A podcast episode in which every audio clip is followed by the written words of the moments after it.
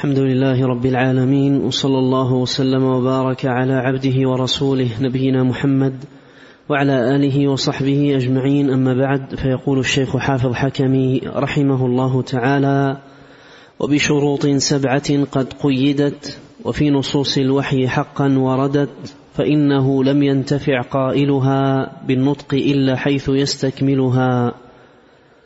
قال وبشروط سبعة متعلق بقيدت قد قيدت أي قيد بها انتفاع قائلها بها في الدنيا والآخرة من الدخول في الإسلام والفوز بالجنة والنجاة من النار. وفي نصوص الوحي من الكتاب والسنة حقا وردت صريحة صحيحة فإنه أي الشأن في أي الشأن وذلك علة تقييدها بهذه الشروط السبعة. لم ينتفع قائلها أي قائل لا إله إلا الله بالنطق أي بنطقه بها مجردا إلا حيث يستكملها أي هذه الشروط السبعة. ومعنى استكمالها اجتماعها في العبد والتزامه إياها بدون مناقضة منه لشيء منها. وليس المراد من ذلك عد ألفاظها وحفظها فكم من عامي اجتمعت فيه والتزمها ولو قيل له اعددها لم يحسن ذلك. وكم من حافظ لألفاظها يجري فيها كالسهم وتراه يقع كثيرا فيما يناقضها والتوفيق بيد الله والله المستعان. بسم الله الرحمن الرحيم. الحمد لله رب العالمين وأشهد أن لا إله إلا الله وحده لا شريك له وأشهد أن محمدا عبده ورسوله صلى الله وسلم عليه وعلى آله وأصحابه أجمعين. اللهم علمنا ما ينفعنا وانفعنا بما علمتنا وزدنا علما وأصلح لنا شأننا كله ولا تكلنا إلى أنفسنا طرفة عين. أما بعد هذا شروع من المصنف رحمه الله تعالى في بيان شروط لا إله إلا الله أي الشروط التي لا تقبل لا إله إلا الله إلا بها. وإذا كنا نعلم أن الصلاة لها شروط لا تقبل إلا بها والحج له شروط لا يقبل إلا بها والصيام له شروط لا يقبل إلا بها فإن لا إله إلا الله لها شروط لا تقبل إلا بها. وهذه الشروط سواء شروط الصلاة أو شروط الحج أو شروط لا إله إلا الله كلها علمت بالاستقراء والتتبع لكلام الله وكلام رسوله صلى الله عليه وسلم. ولهذا إذا قرأت كلام أهل العلم في بيان الأحكام إذا ذكروا الصلاة قدموا بشروط بشروطها ثم كل شرط يذكر معه دليله. من كتاب الله أو سنة النبي عليه الصلاة والسلام. فهكذا الشأن في لا إله إلا الله. لها شروط لا تكون مقبولة إلا بها. علمت هذه الشروط بالتتبع لكلام الله وكلام رسوله صلوات الله وسلامه وبركاته عليه. ولهذا يقول رحمة الله عليه وبشروط سبعة أي أن لا إله إلا الله لها سبعة شروط. علمت هذه الشروط السبعة بالتتبع والاستقراء لكلام الله وكلام رسوله صلوات الله وسلامه عليه. أين وجدت هذه الشروط؟ قال قد قيدت. وبشروط سبعة قد قيدت وفي نصوص الوحي حقا وردت فهي متلقاة من نصوص الوحي كلام الله وكلام رسوله عليه الصلاة والسلام فإنه لم ينتفع قائلها بالنطق إلا حيث يستكملها أي أن لا إله إلا الله لا تكون نافعة لقائلها ومن ينطق بها حتى يستكمل شروطها التي جاءت في كتاب الله وسنة نبيه عليه الصلاة والسلام. ولهذا قال الحسن البصري رحمه الله لما قيل له أليس من قال لا إله إلا الله دخل الجنة؟ قال من أدى حقها وفرضها دخل الجنة. مشيرا بذلك أن لها قيود وضوابط معلومة في كتاب الله سبحانه وتعالى لا ينتفع بلا إله إلا الله إلا إذا استكملت هذه الشروط وهذه الضوابط. ولهذا أيضا قيل لوهب بن منبه رحمه الله أليست لا إله إلا الله مفتاح الجنة؟ قال بلى ولكن ما من مفتاح إلا وله أسنان. فإذا جئت بمفتاح له أسنان فتح لك وإلا لم يفتح. مشيرا رحمه الله تعالى بقوله له أسنان أي شروط في فيما يتعلق بلا إله إلا الله. فلا إله إلا الله إنما تكون مفتاحا للجنة إذا أدى حقها العبد وجاء بشروطها. وضوابطها التي دل عليها كتاب الله وسنة نبيه صلى الله عليه وسلم. ولهذا يجب على كل مسلم ناصح لنفسه أن يعي هذه الشروط وأن يحققها ليتم له توحيده وإيمانه بالله سبحانه وتعالى. فإن لا إله إلا الله هي أساس قبول الأعمال قبول الأعمال كلها. لا تكون مقبولة إلا بلا إله إلا الله. ولا إله إلا الله لا تكون نافعة لقائلها إلا بقيودها وشروطها وضوابطها التي دل عليها كتاب الله سبحانه وتعالى. ونبه الشيخ هنا رحمه الله تعالى على فائدة عظيمة القدر نبه عليها أهل العلم من قبله وهي أن هذه الشروط ليس المراد من العبد أن يحفظ أن يحفظها فقط أو يحفظ أدلتها وإنما المطلوب منه أن يحققها. ولهذا قال رحمه الله وليس المراد من ذلك عد ألفاظها. أكمل. وليس المراد من ذلك عد ألفاظها وحفظها فكم من عامي اجتمعت فيه والتزمها ولو قيل له اعددها لم يحسن ذلك. وكم من حافظ لألفاظها يجري فيها كالسهم وتراه يقع كثيرا فيما يناقضها. والتوفيق بيد الله والله المستعان. ليس المراد عد ألفاظها ليس المراد أن يعدها. واحد اثنين ثلاثة. المراد أن يحققها. ولهذا يقول كم من عامي تحققت في نفسه هذه الشروط؟ علم ويقين وإخلاص إلى غير ذلك مما سيأتي بيانه. ولو قيل له عد شروط لا إله إلا الله لم يحسن.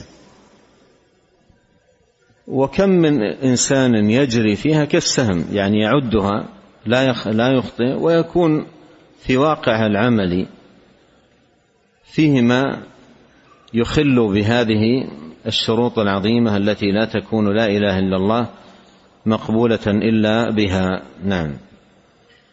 قال رحمه الله تعالى العلم واليقين والقبول والانقياد فدر ما أقول والصدق والإخلاص والمحبة وفقك الله لما أحبه. عدها كلها في هذين البيتين بسبك جميل مع ختم بهذه الدعوة فرحمه الله. ما أجمل نصحه وأجود بيانه. نعم. قال رحمه الله تعالى هذا تفصيل الشروط السبعة السابق ذكرها التي قيدت بها هذه الشهادة. فاصغ سمعك وأحضر قلبك لإملاء أدلتها وتفهمها وتعقلها. ثم اعمل على وفق ذلك. تفز بسعادة الدنيا والآخرة إن شاء الله عز وجل. كما وعد الله تعالى ذلك أنه لا يخلف الميعاد. وبما نصح به أنصح. أصغي سمعك وأحضر قلبك. وأعلم أن الجمع الذي جمعه رحمه الله هنا لأدلة شروط لا إله إلا الله من أحسن الجمع وأنفعه. وقد أحسن وأجاد رحمه الله. أجاد في بيان هذه الشروط وأجاد أيضا في جمع أدلتها. وبراهينها من كتاب الله وسنة نبيه صلوات الله وسلامه عليه. نعم. قال رحمه الله تعالى الأول العلم. الأول العلم بمعناها المراد منها نفيا وإثباتا المنافي للجهل بذلك. قال الله عز وجل فاعلم أنه لا إله إلا الله. وقال تعالى إلا من شهد بالحق أي بلا إله إلا الله وهم يعلمون. أي بقلوبهم معنى ما نطقوا به بألسنتهم. وقال تعالى شهد الله أنه لا إله إلا هو والملائكة وأولو العلم قائما بالقسط. لا إله إلا هو العزيز الحكيم. وقال تعالى قل هل يستوي الذين يعلمون والذين لا يعلمون؟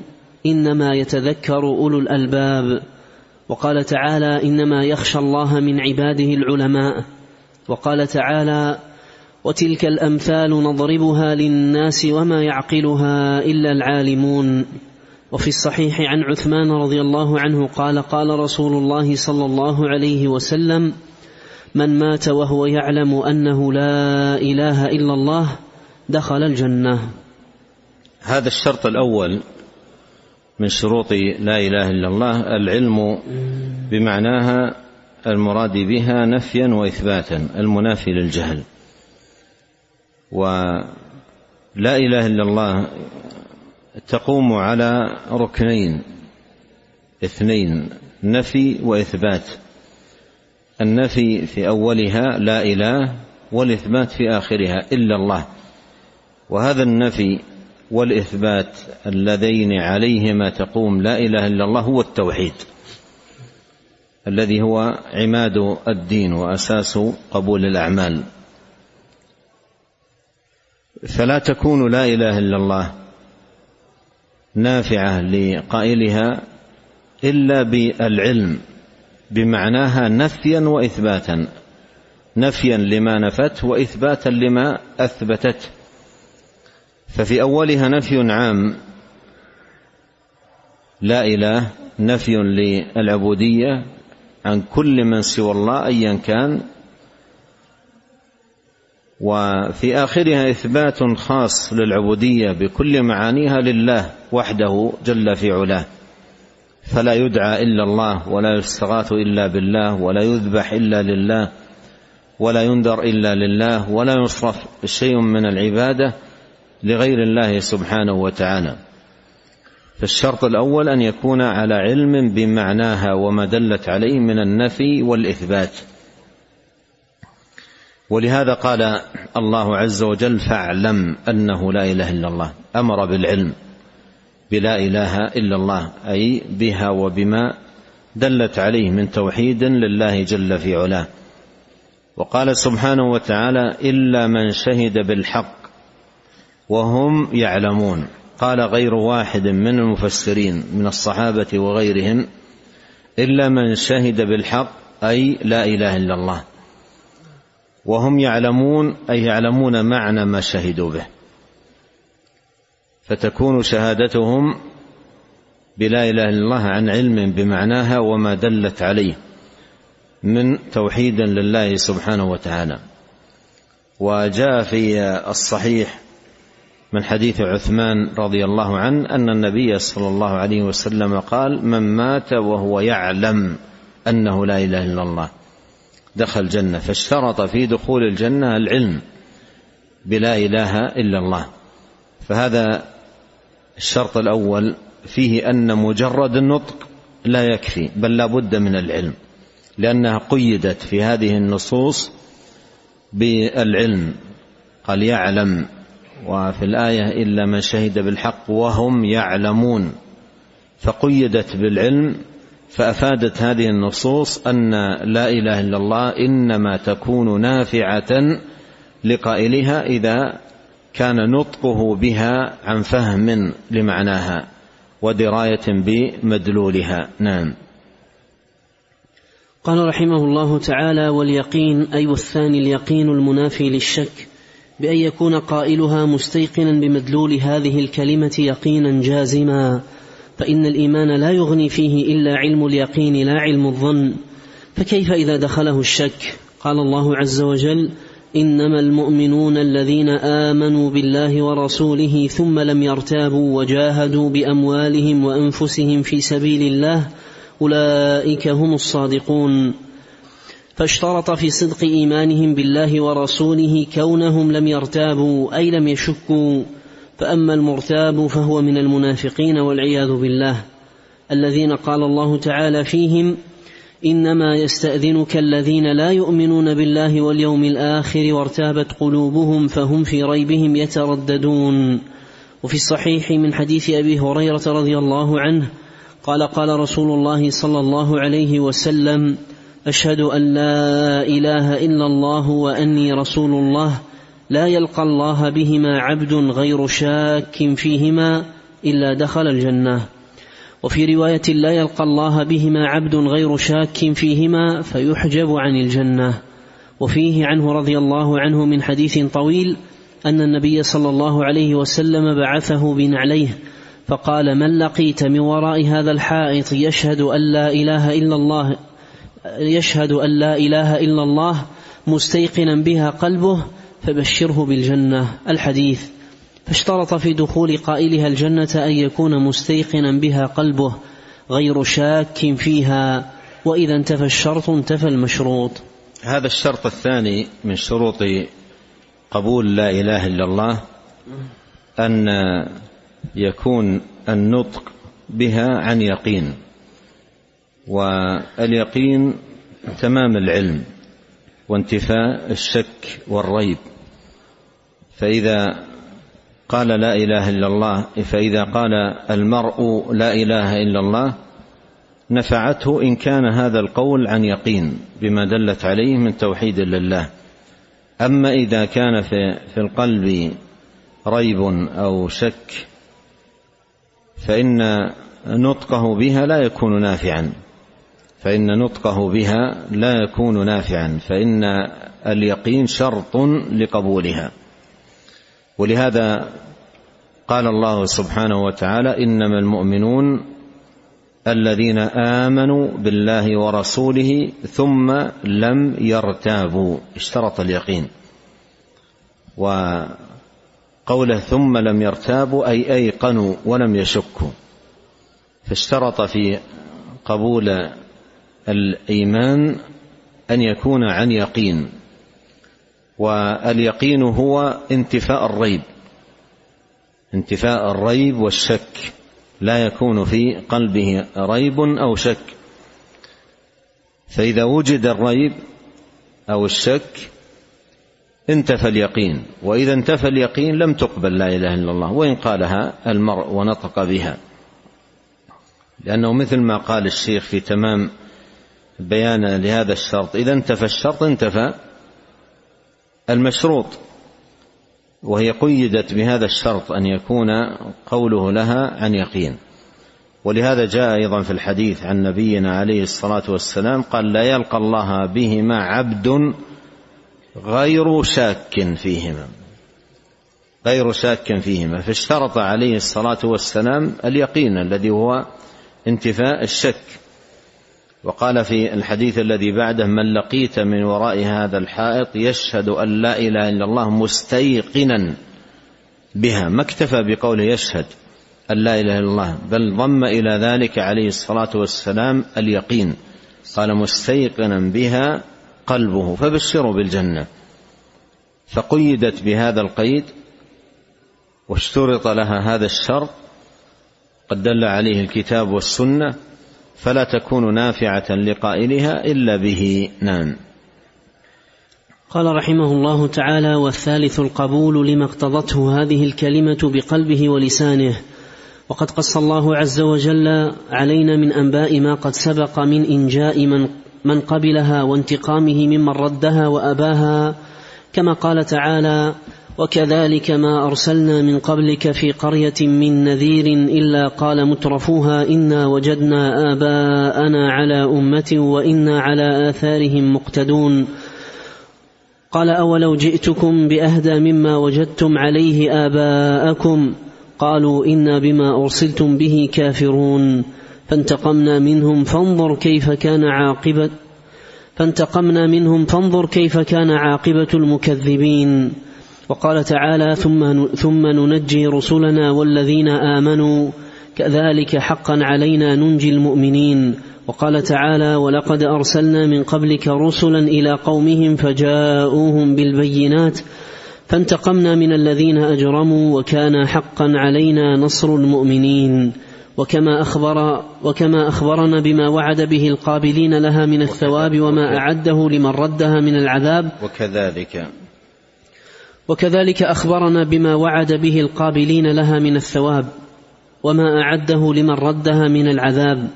كما قال تعالى احشروا الذين ظلموا وأزواجهم وما كانوا يعبدون من دون الله فاهدوهم إلى صراط الجحيم وقفوهم إنهم مسؤولون. إلى قوله إنهم كانوا إذا قيل لهم لا إله إلا الله يستكبرون. ويقولون أئنا لتاركوا آلهتنا لشاعر مجنون. فجعل الله تعالى علة تعذيبهم وسببه هو استكبارهم عن قول لا إله إلا الله وتكذيبهم من جاء بها فلم ينفوا ما نفته ولم يثبتوا ما أثبتته بل قالوا إنكارا واستكبارا أجعل الآلهة إلها واحدا إن هذا لشيء عجاب.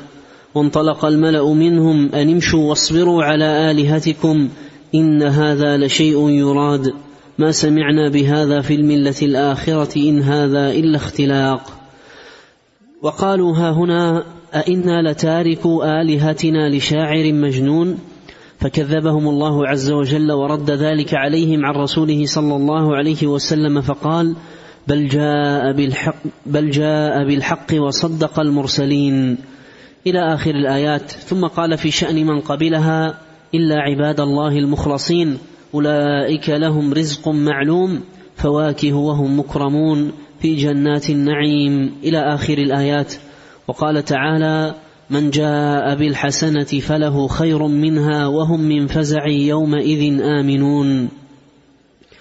وفي الصحيح عن أبي موسى رضي الله عنه عن النبي صلى الله عليه وسلم قال مثل ما بعثني الله به من الهدى والعلم كمثل الغيث الكثير أصاب أرضا فكان منها نقية قبلت الماء فأنبتت الكلأ والعشب الكثير وكانت منها أجاذب أمسكت الماء فنفع الله بها الناس فشربوا وسقوا وزرعوا وأصاب منها طائفة أخرى إنما هي قيعان لا تمسك ماء ولا تنبت كلأ. فذلك مثل من فقه في دين الله ونفعه ما بعثني الله به فعلم وعلم.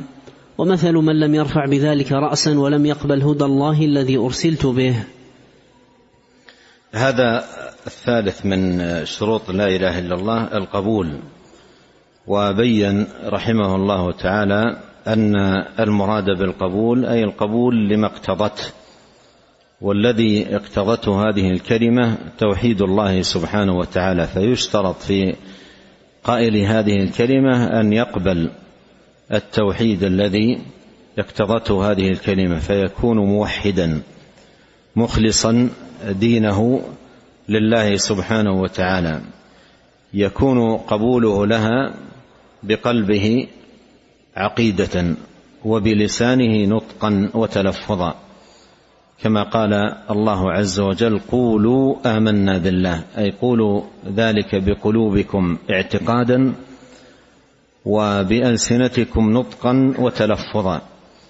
فمن شروط لا إله إلا الله القبول لا لما اقتضته من توحيد لله سبحانه وتعالى يقبل ذلك بقلبه فيكون موحدا مخلصا لله سبحانه وتعالى ويقبل ذلك بلسانه فينطق بالتوحيد ليكون من أهله.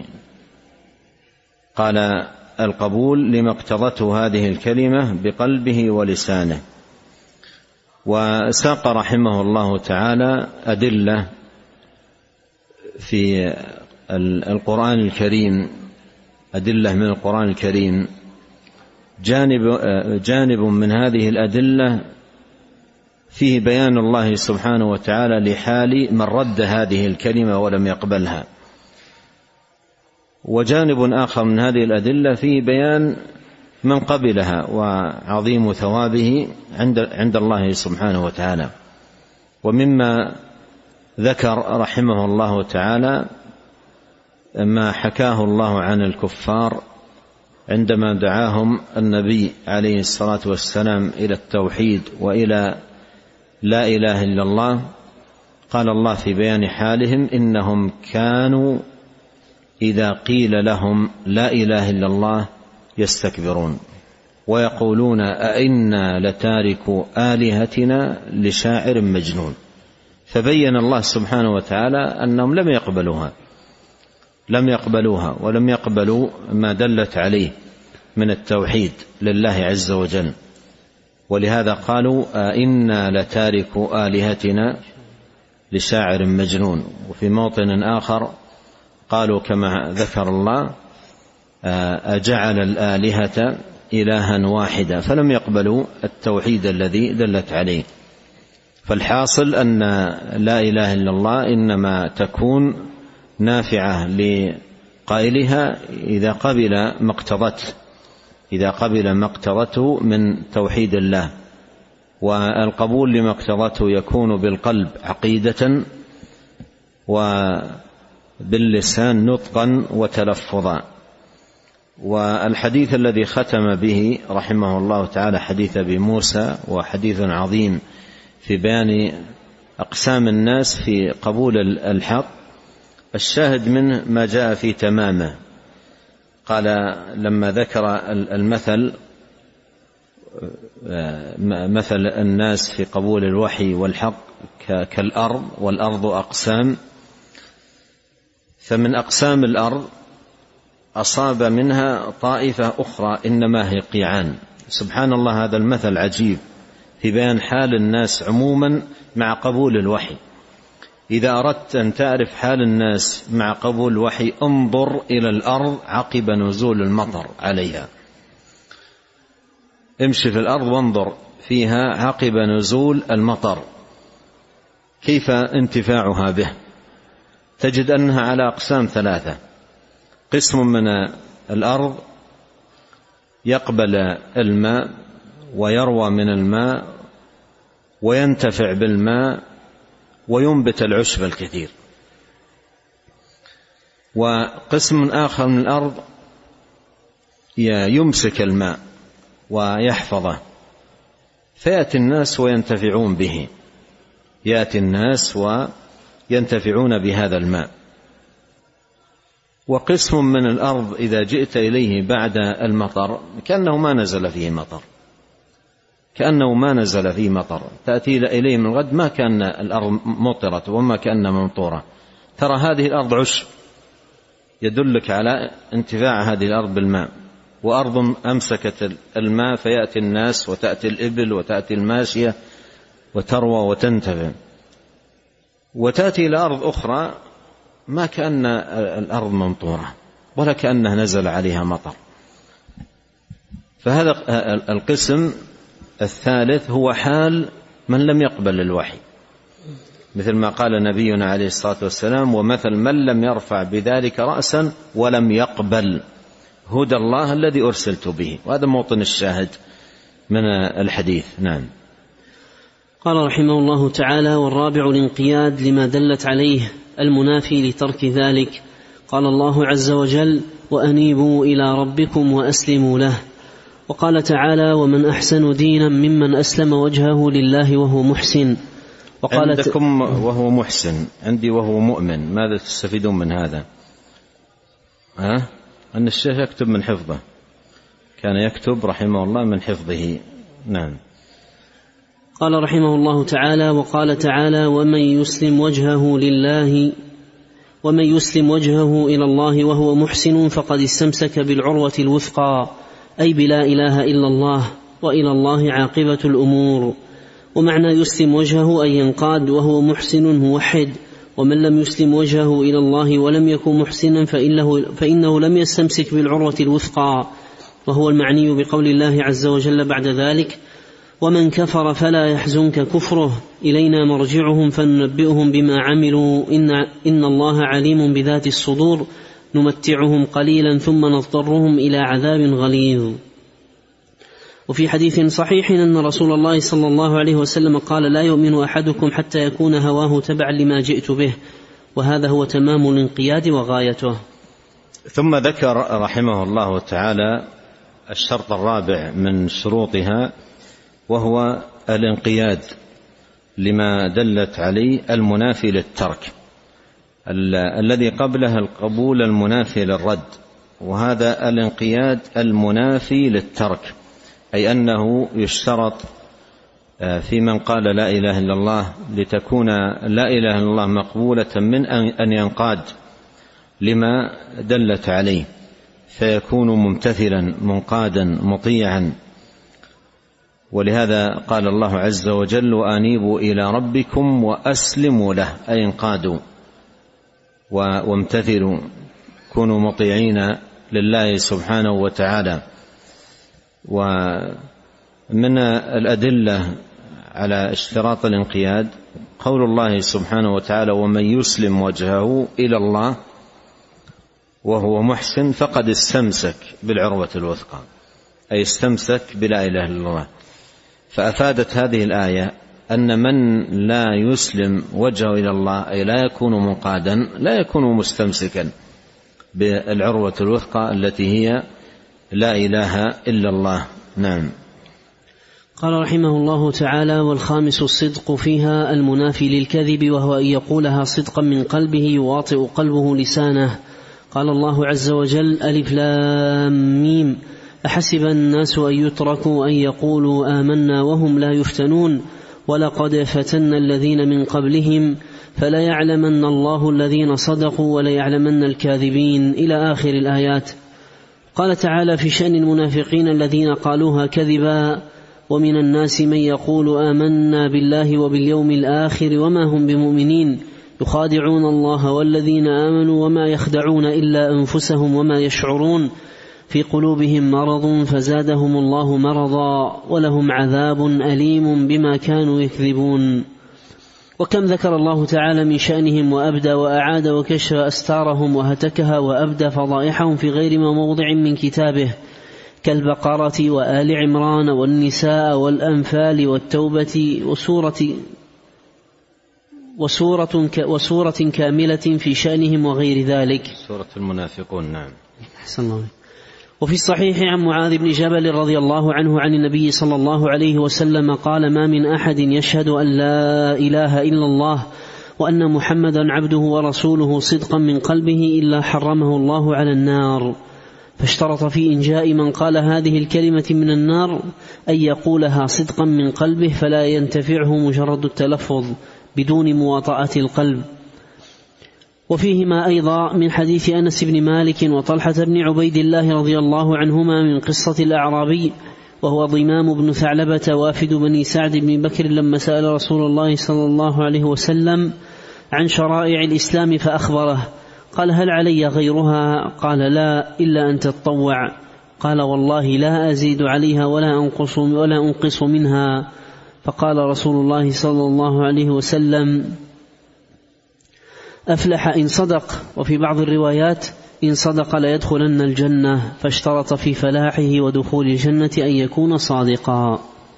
نعم نكتفي بهذا والشرط الخامس يرجى الكلام عليه إلى لقاء الغد بإذن الله سبحانه وتعالى. نسأل الله الكريم رب العرش العظيم بأسماء الحسنى وصفاته العليا أن ينفعنا أجمعين بما علمنا وأن يزيدنا علما وصلاحا وتوفيقا وأن يهدينا آه، إليه صراطا مستقيما وأن يوفقنا أجمعين لكل خير. اللهم اغفر لنا ولوالدينا ولمشايخنا ولولاة أمرنا وللمسلمين والمسلمات والمؤمنين والمؤمنات الأحياء منهم. والاموات اللهم اقسم لنا من خشيتك ما يحول بيننا وبين معاصيك ومن طاعتك ما تبلغنا به جنتك ومن اليقين ما تهون به علينا مصائب الدنيا. اللهم متعنا بأسماعنا وأبصارنا وقوتنا ما أحييتنا واجعله الوارث منا واجعل ثأرنا على من ظلمنا وانصرنا على من عادانا ولا تجعل مصيبتنا في ديننا. ولا تجعل الدنيا أكبر همنا ولا مبلغ علمنا ولا تسلط علينا من لا يرحمنا. سبحانك اللهم وبحمدك أشهد أن لا إله إلا أنت أستغفرك وأتوب إليك. اللهم صل وسلم على عبدك ورسولك نبينا محمد وآله وصحبه. جزاكم الله خيرا.